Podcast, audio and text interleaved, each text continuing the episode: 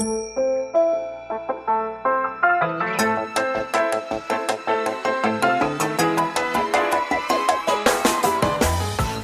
lieve luisteraars, welkom bij de Stories of Inspiration podcast van What's Your Story.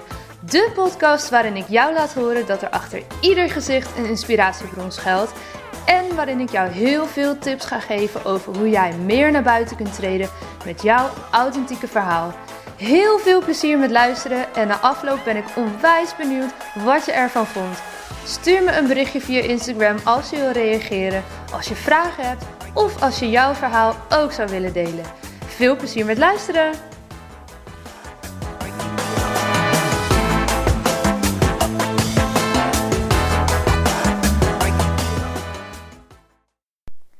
Hey, hallo! Het is weer maandag en tijd voor een nieuwe podcastaflevering. In deze podcast ga ik het hebben over geld. Een onderwerp waar uh, nou ja, sommigen van ons misschien liever niet over spreken, waar ook wel enigszins een taboe op rust, denk ik, om daar vrijheid over te spreken. Maar het is ook iets heel moois en het ja, creëert een ruimte om heel veel gave dingen te kunnen doen en ook heel veel voor andere mensen te kunnen betekenen. Nou, ik ga daar zo meteen meer over vertellen over hoe ik de afgelopen jaren anders naar geld ben gaan kijken. En ik wil jullie daarvoor meenemen in uh, de start van mijn ondernemerschap. Toevallig kwam er vandaag, of nou ja, hè, toevallig. Er kwam een post online op Instagram van uh, Vuurkracht. Dat is een bedrijf wat startende ondernemers begeleidt in de nou, eerste stapjes van het ondernemerschap. Um, toen ik net begon met ondernemen, heb ik ook bij hun een half jaar lang trainingen gevolgd, een eigen ondernemersplan geschreven. Hebben ze mij van alles geleerd over hoe start ik mijn eigen bedrijf? Nou, dat is vandaag om en nabij drie jaar geleden. En in die drie jaar is er ontzettend veel gebeurd. En ik heb hier wel vaker vragen over gekregen van ja, hoe heb je dat dan gedaan? Hoe ben je vanuit het niets begonnen met een eigen bedrijf? Uh, waar heb je het geld vandaan gehaald? Um, nou, al dat soort vragen. En ik ben hier altijd wel heel open over geweest. Heb daar ook wel eens het een en ander over gedeeld in Instagram stories of in posts. Maar ik kan me zo voorstellen dat je dat helemaal niet voorbij hebt zien komen. Of als je me nog maar net volgt, dat je dat uh, nog niet hebt gehoord van mij. En ik wil daar wel wat over delen, want het lijkt soms alsof ik en alsof andere ondernemers vanuit het niets ineens succesvol zijn geworden. En dat is natuurlijk helemaal niet zo. En ten eerste, wat is succes? Daar kun je een hele discussie over voeren. Maar um, het is niet zo dat ik een een of andere pot met geld had toen ik startte als ondernemer. En daar wil ik vandaag wat meer over vertellen, omdat ik denk dat heel veel van jullie hier niet eens van afweten van het bestaan van de regeling waar ik een tijd gebruik van heb gemaakt. En uh, omdat dat wel degelijk ervoor kan zorgen dat je je bedrijf kan starten. En nou, laat me dan eventjes teruggaan naar ongeveer drie jaar geleden, juli 2000. 17 heb ik het dan over. Toen kwam ik terug naar Nederland vanuit Suriname. Ik heb daar toen uh, anderhalf jaar gewoond en gewerkt. En was daar gewoon in loondienst. Uh, op een uh, marketingafdeling bij een heel groot warenhuis. Een beetje een kruising tussen Ikea, Hema, nou, Xenos, zoiets. En heb daar ontzettend veel mogen leren over het ondernemerschap. Ik werkte direct onder de directie. En uh, ja, dat zijn echt ondernemers puur zang. En daar heb ik wel een inkijkje gekregen in hoe dat nu eigenlijk werkt. Het runnen van zo'n enorm bedrijf. Je moet je voorstellen, we waren daar met, nou, ik denk ruim 200, 250 medewerkers. En voor Surinaamse begrippen is dat uh, best wel heel groot op een bevolking van 600.000 uit mijn hoofd. Waarvan maar een deel ook in Paramaribo woont. Dus daar heb ik al een beetje een inkijkje kunnen krijgen in het ondernemerschap. Maar ik besefte mij dat nog niet zo heel erg. Want toen ik terugkwam in Nederland ben ik gewoon op zoek gegaan naar een baan.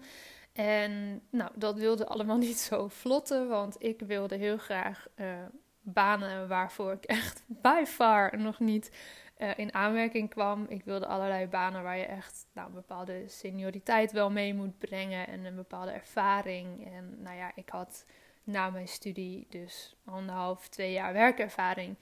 En werd vaak niet eens uitgenodigd op gesprekken. Af en toe wel, maar dan was het ook niet helemaal een match. Soms niet van hun kant, soms niet van mijn kant. Nou, dat schoot dus eigenlijk niet zo op. Ondertussen was ik wel aan het werk overigens. Ik was in de schoonmaak gaan werken, in de thuiszorg.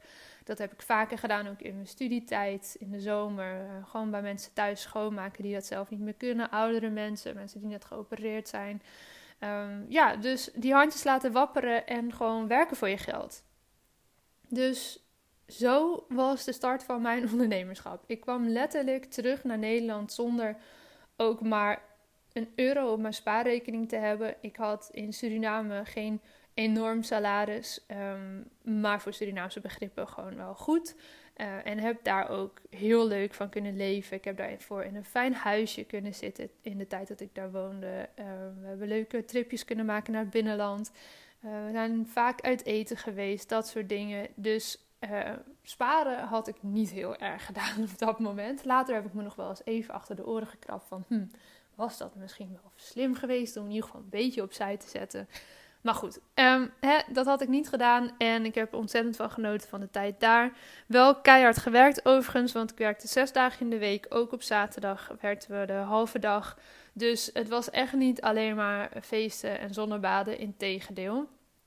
Dus nou ja, vanuit die situatie kwam ik terug naar Nederland. En toen was er eigenlijk iemand al in Paramaribo die tegen mij zei van... Ehm, ja, ik, vertelde aan haar, ik moet een beetje context geven. Ik vertelde aan haar van ik zou graag meer willen doen hè, met persoonlijke verhalen. En ik zou graag mensen willen interviewen en die verhalen optekenen. En zij zei tegen mij van ja, maar waarom doe je dat dan niet gewoon? Waarom begin je niet eens met een interview? Vraag iemand die jou inspireert en vraag of je hem of haar mag interviewen.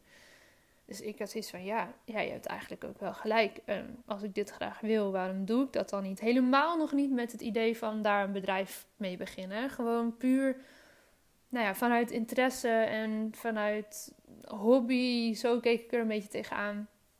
Laat ik eens iemand vragen of ik, uh, nou hem uiteindelijk, werd een man, of ik hem mag interviewen. En dat mocht. En dat werd zo'n mooi gesprek. Ik denk dat we echt wel drie uur lang of zo met elkaar in gesprek zijn geweest. En dat interview staat ook nog steeds op mijn website. Het uh, is een gesprek met Revani Somati, heet hij. Het is een heel lang stuk geworden. Ik was nog niet echt van het kort en bondig in mijn schrijfstijl. Nog steeds niet overigens. En ik moet ook best wel lachen als ik dat stuk teruglees nu. Want ik schrijf echt uh, zinnen die heel erg op nou ja, ze Surinaams een beetje vervormd zijn. Dus met heel veel werkwoorden. En ja, qua Nederlands is, het niet echt een fantastisch stuk. Maar het klopt helemaal. En ik ga dat ook niet herschrijven, want dit is gewoon hoe het was. En dat was eigenlijk de start, uh, mijn eerste interview wat ik had gedaan. Nou, toen kwam ik terug naar Nederland. Dat stuk heb ik net verteld. En uiteindelijk zei iemand, en ik weet dus niet meer wie, en daar baal ik wel een beetje van. Maar iemand zei tegen mij van, ja, waarom begin je dan niet gewoon je eigen bedrijf? Als het niet zo lukt hè, met het ondernemen of met het eh, solliciteren, waarom ga je dan niet ondernemen? Toen dacht ik, oh ja, dat is eigenlijk ook nog een optie, dat ik gewoon mijn eigen baan creëer. En daar had ik echt op dat moment nog nooit bij stilgestaan dat dat kon en dat dat een optie was. Sterker nog, ik dacht altijd tijdens mijn studietijd, hè, waarin je toch best wel vrij bent in hoe je je tijd inricht overdag. Ik dacht, oh, dit is echt zo zonde, dit komt nooit meer terug, want straks zit je in een baan. nou, moet je nu eens kijken. Ik zit gewoon midden op de dag een podcast op te nemen voor jullie. En uh, ik ben vanmorgen bezig geweest om mijn werkkamer in mijn nieuwe huis verder in te richten. En daar zit ik nu ook en die is uh, bijna af. Nog niet helemaal. Ja, weet je, dus het kan wel. Maar ik had nog nooit echt gehoord van het ondernemerschap. Laat staan dat ik me daar echt in had verdiept. Nou, zo gezegd, zo gedaan. Ik um, ben gaan informeren en iemand wees mij erop dat uh, de gemeente, en dat heeft dus als het goed is, iedere gemeente in Nederland een uitkeringsregeling heeft voor mensen die willen starten als ondernemer. Dat heet de bijzondere bijstand zelfstandigen. Die kan je ook aanvragen als zelfstandige als het even niet zo goed gaat. En op dit moment, ten tijde van corona, we hebben het over eind augustus 2020, zijn er heel veel mensen die van een soortgelijke regeling gebruik maken. Uh, godzijdank is die in het leven geroepen, denk ik. Maar op dat moment was dat, uh, nou, eind 2017, was dat echt nog de, de BBZ, bijzondere bijstand zelfstandigen. Nou, wat houdt dat in? Dat houdt in dat je een uitkering krijgt ter hoogte van de bijstand. Dat is 1050 euro in de maand. Althans, dat was het op dat moment. En ehm, je hoeft dan dus niet elke week te solliciteren zoals in de gewone bijstand. Maar Je gaat een traject in, in dit geval bij vuurkracht, om te leren je eigen onderneming op poten te zetten. En ieder half jaar moet je uh, verslag uitbrengen van hoe het gaat. Dus je moet cijfers overleggen, je moet vertellen ook daadwerkelijk aan iemand hoe het gaat, wat voor keuzes je aan het maken bent, uh, wat voor omzetverhoging je hebt, wat voor nou ja, prognoses je daarop loslaat voor de komende half jaar. Dus dat wordt wel degelijk getoetst om te kijken of jouw bedrijf binnen drie jaar levensvatbaar kan zijn. Dus dat betekent dat je jezelf tenminste die 1050 euro per maand kan uitbetalen na drie jaar. Nou, dan denk je drie jaar is heel lang. Maar geloof me, als je echt van scratch begint met nul idee voor hoe je bedrijf eruit moet zien, nul idee van wie je ideale klant is, nul idee van het hele ondernemerschap, van online marketing, van social media strategieën, van e-mail marketing, van wat je ook maar wil inzetten. Uh, dan is drie jaar best wel de tijd die je ook echt wel nodig hebt om dingen neer te zetten, is mijn ervaring. Maar hè, um, mindset is alles daarin. Als jij um, instelt op dat je dat binnen een jaar of binnen vijf jaar of binnen wat voor termijn dan ook voor elkaar krijgt, dan geloof ik er ook wel in dat dat werkelijkheid zal worden. Ik geloofde er heel erg in dat ik dat binnen drie jaar zou bereiken en dat is ook precies gebleken. Want ik ben nu drie jaar verder en ik ben een paar maanden geleden uit die uitkeringsregeling gestapt. Nou, daartussenin is natuurlijk een heleboel gebeurd. Um, ik heb best wel wat grote investeringen gedaan. Onder andere in uh, een grote opleiding, een jaartraject bij Bart van der Belt. Een zakelijk succesacademie. Hij heeft een post-HBO-jaar ontwikkeld waarin je uh, leert alle facetten van het ondernemerschap. Nou, dat was dit jaar, 2020. En dat is dus helemaal uitgesteld tot eind van dit jaar. We beginnen over een paar weken, als het goed is, weer. Uh, door corona konden we niet met een groep van 50 mensen bij elkaar komen. Dat mag voor zich spreken. Um, maar dat zit nog in het vat. En dan hebben we het over een investering van 5.000, 6.000 euro. Dus echt wel forse investeringen.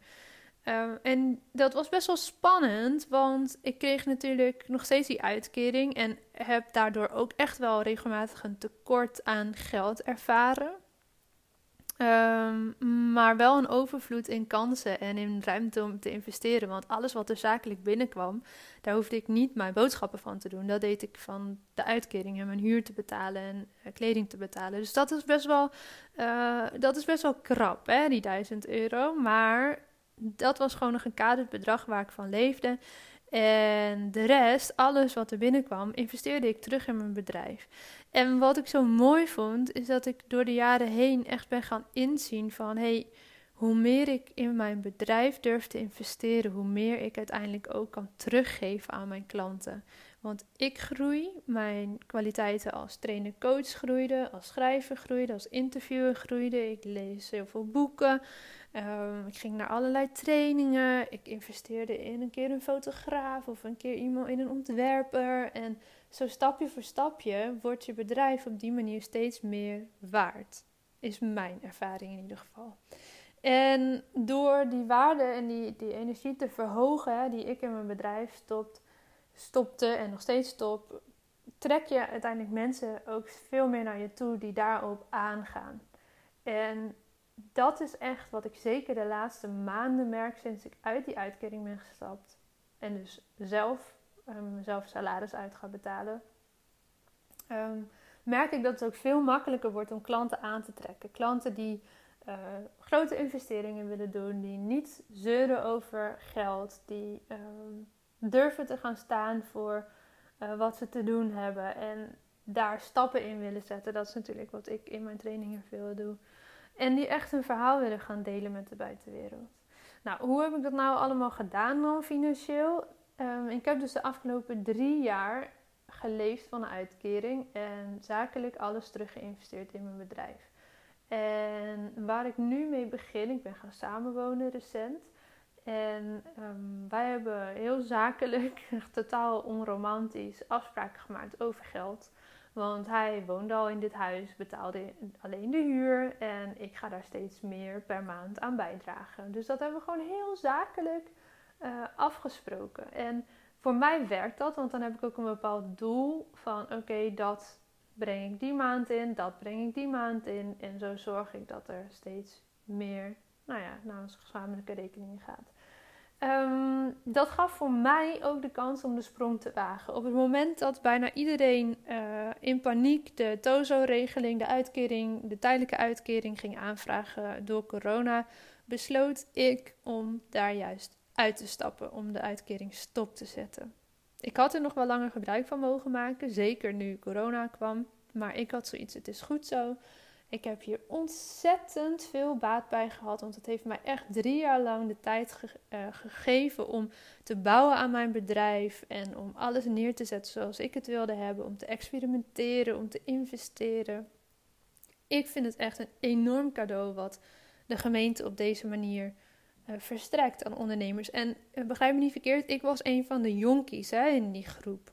Dus er zitten ook echt veel mensen die wel moeilijk aan een baan komen, al jarenlang soms in de, in de bijstand zitten. En die toch zoiets hebben van ja, maar ik wil ook van waarde zijn voor de maatschappij. Dus ik ga het op deze manier proberen. En voordat jouw bedrijf helemaal draait en winstgevend is, heb je gewoon tijd nodig. En we hebben niet allemaal zeg 50.000 euro op onze bankrekening staan om jezelf in die tussentijd de hele tijd maar een salaris, een minimum salaris uit te bouwen. Dat is heel fijn hè, als je dat wel hebt, maar dat geldt gewoon niet voor iedereen.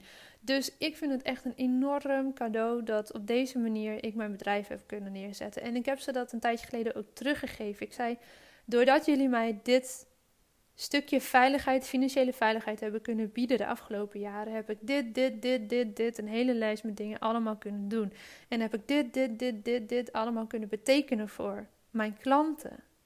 En toen ik dat zo eens aan het opsommen was, dacht ik wel echt: holy shit. Dat is echt iets om zo dankbaar voor te zijn. Dat doordat ik een stukje ego opzij heb gezet en heb gezegd: Oké, ik ga gewoon tijdelijk leven van die uitkering. Dit is even genoeg. Dit is de deal.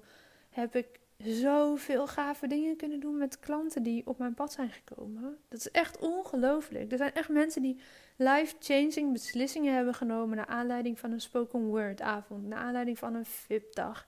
Misschien zelfs wel naar aanleiding van de Pitch Perfect training, die een lage instap heeft en, en daarmee natuurlijk ook een, ja, dat klinkt heel stom. Het is niet per se dat er geen impact zit, maar een iets lagere impact dan bijvoorbeeld een VIP-dag, omdat je dan een hele dag samen aan de slag gaat. En nu moet je het zelf doen. Pitch Perfect is meer one size fits all. Maar dat mensen echt daardoor zulke gave en grote levensveranderende beslissingen durven te nemen, ja, dat is iets wat, nou ja, mede mogelijk gemaakt is uh, door de bijzondere bijstand zelfstandigen. En doordat ik de keuze heb gemaakt, dit is voor nu even waar ik genoeg aan heb. Uh, ik wil echt iets kunnen geven, iets kunnen betekenen. Ik wil mezelf kunnen ontwikkelen. En zo heb ik de afgelopen jaren um, het ingestoken financieel. En wat ik nu ga doen, want nu heb ik natuurlijk niet meer de uitkering, betekent dat ik mezelf zal moeten gaan uitbetalen. En nu ga ik um, nog weer eens een keer een enorme investering doen. Althans, voor mij voelt die enorm.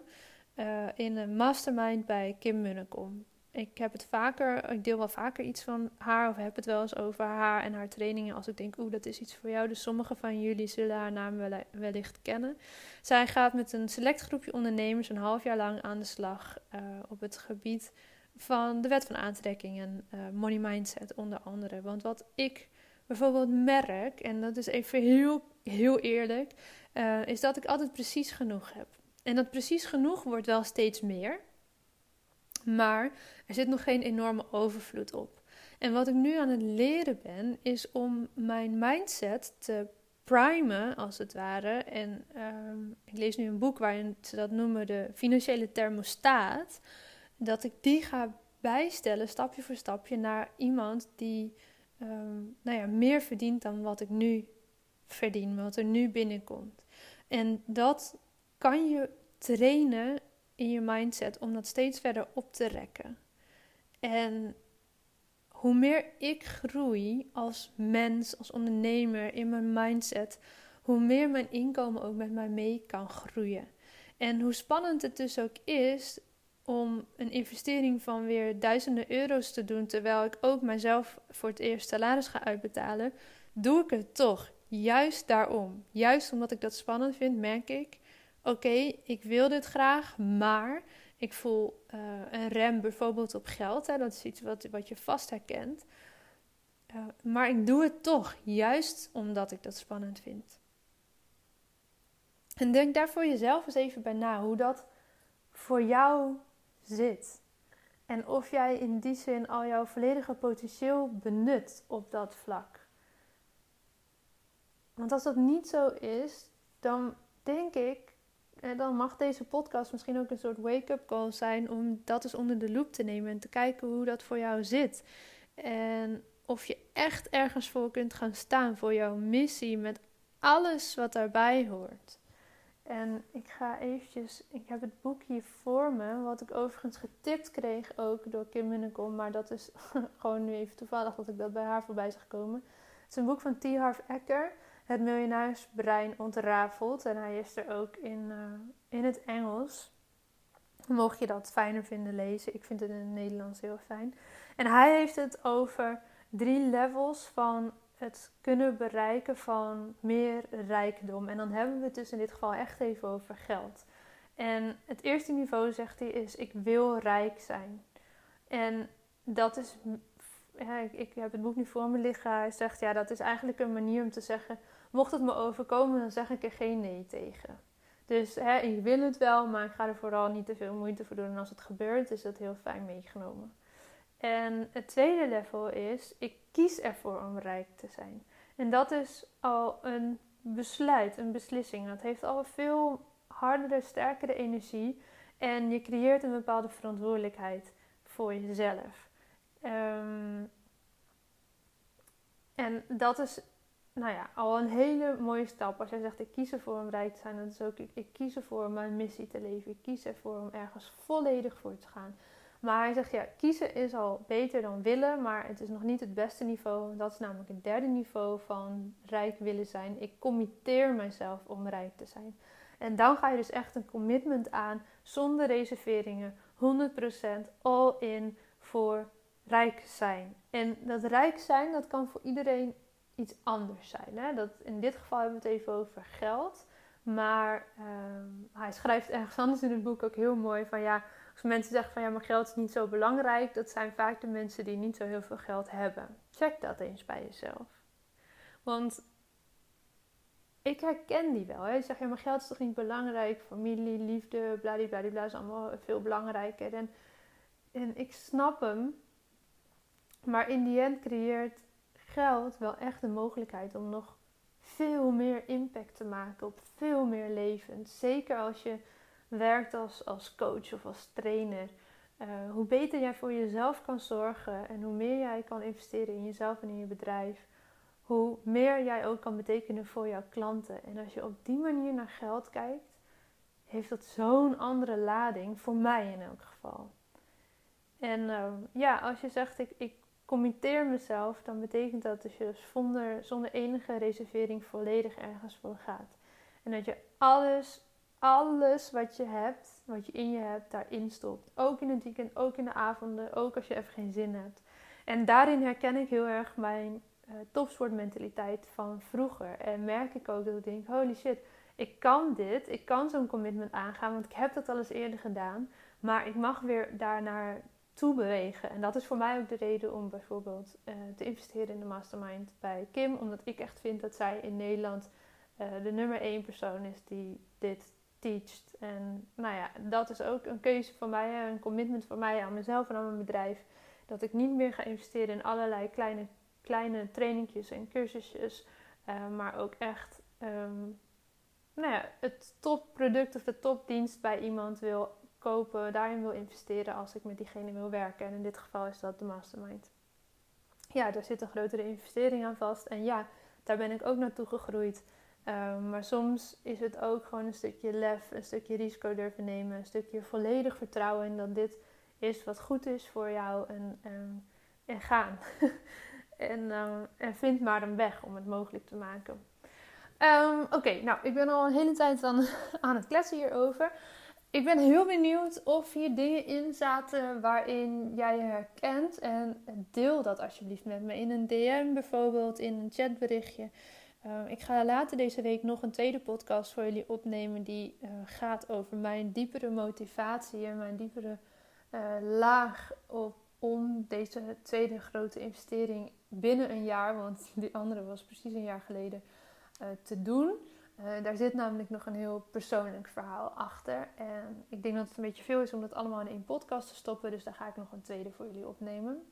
Um, ja, Laat me weten wat je hier aan hebt gehad, wat je hieruit hebt gehaald voor jezelf, wat misschien een nieuw inzicht is geweest. Ehm, ik ben daar altijd heel benieuwd naar, dus stuur me gerust een DM. Deel deze podcast als je denkt dat die voor iemand anders van waarde kan zijn. Um, stuur me ook gerust een berichtje als je meer wil weten over de BBZ. Ik weet natuurlijk niet alle regeltjes daarvan en waar je wel en niet aan moet voldoen.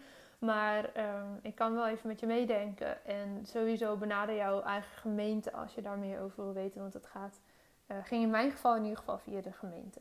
Volgens mij kan het ook via het UWV. In mijn geval ging het via de gemeente. En het was echt niet alsof zij hele hoge eisen stelden om te mogen instromen. Ik had gewoon uh, mijn bedrijfsideeën in een nou, half A4'tje opgeschreven. En dat was genoeg. Ze gaan dan in gesprek om te kijken of ze hè, enigszins erin geloven dat het iets zou kunnen worden. En... Uh, zo is het voor mij begonnen. Dus jongens, ook voor de niet-ondernemers onder ons die nu luisteren. Als je een droom hebt, als jij voelt, hier wil ik voor gaan, doe het dan. Vind een manier.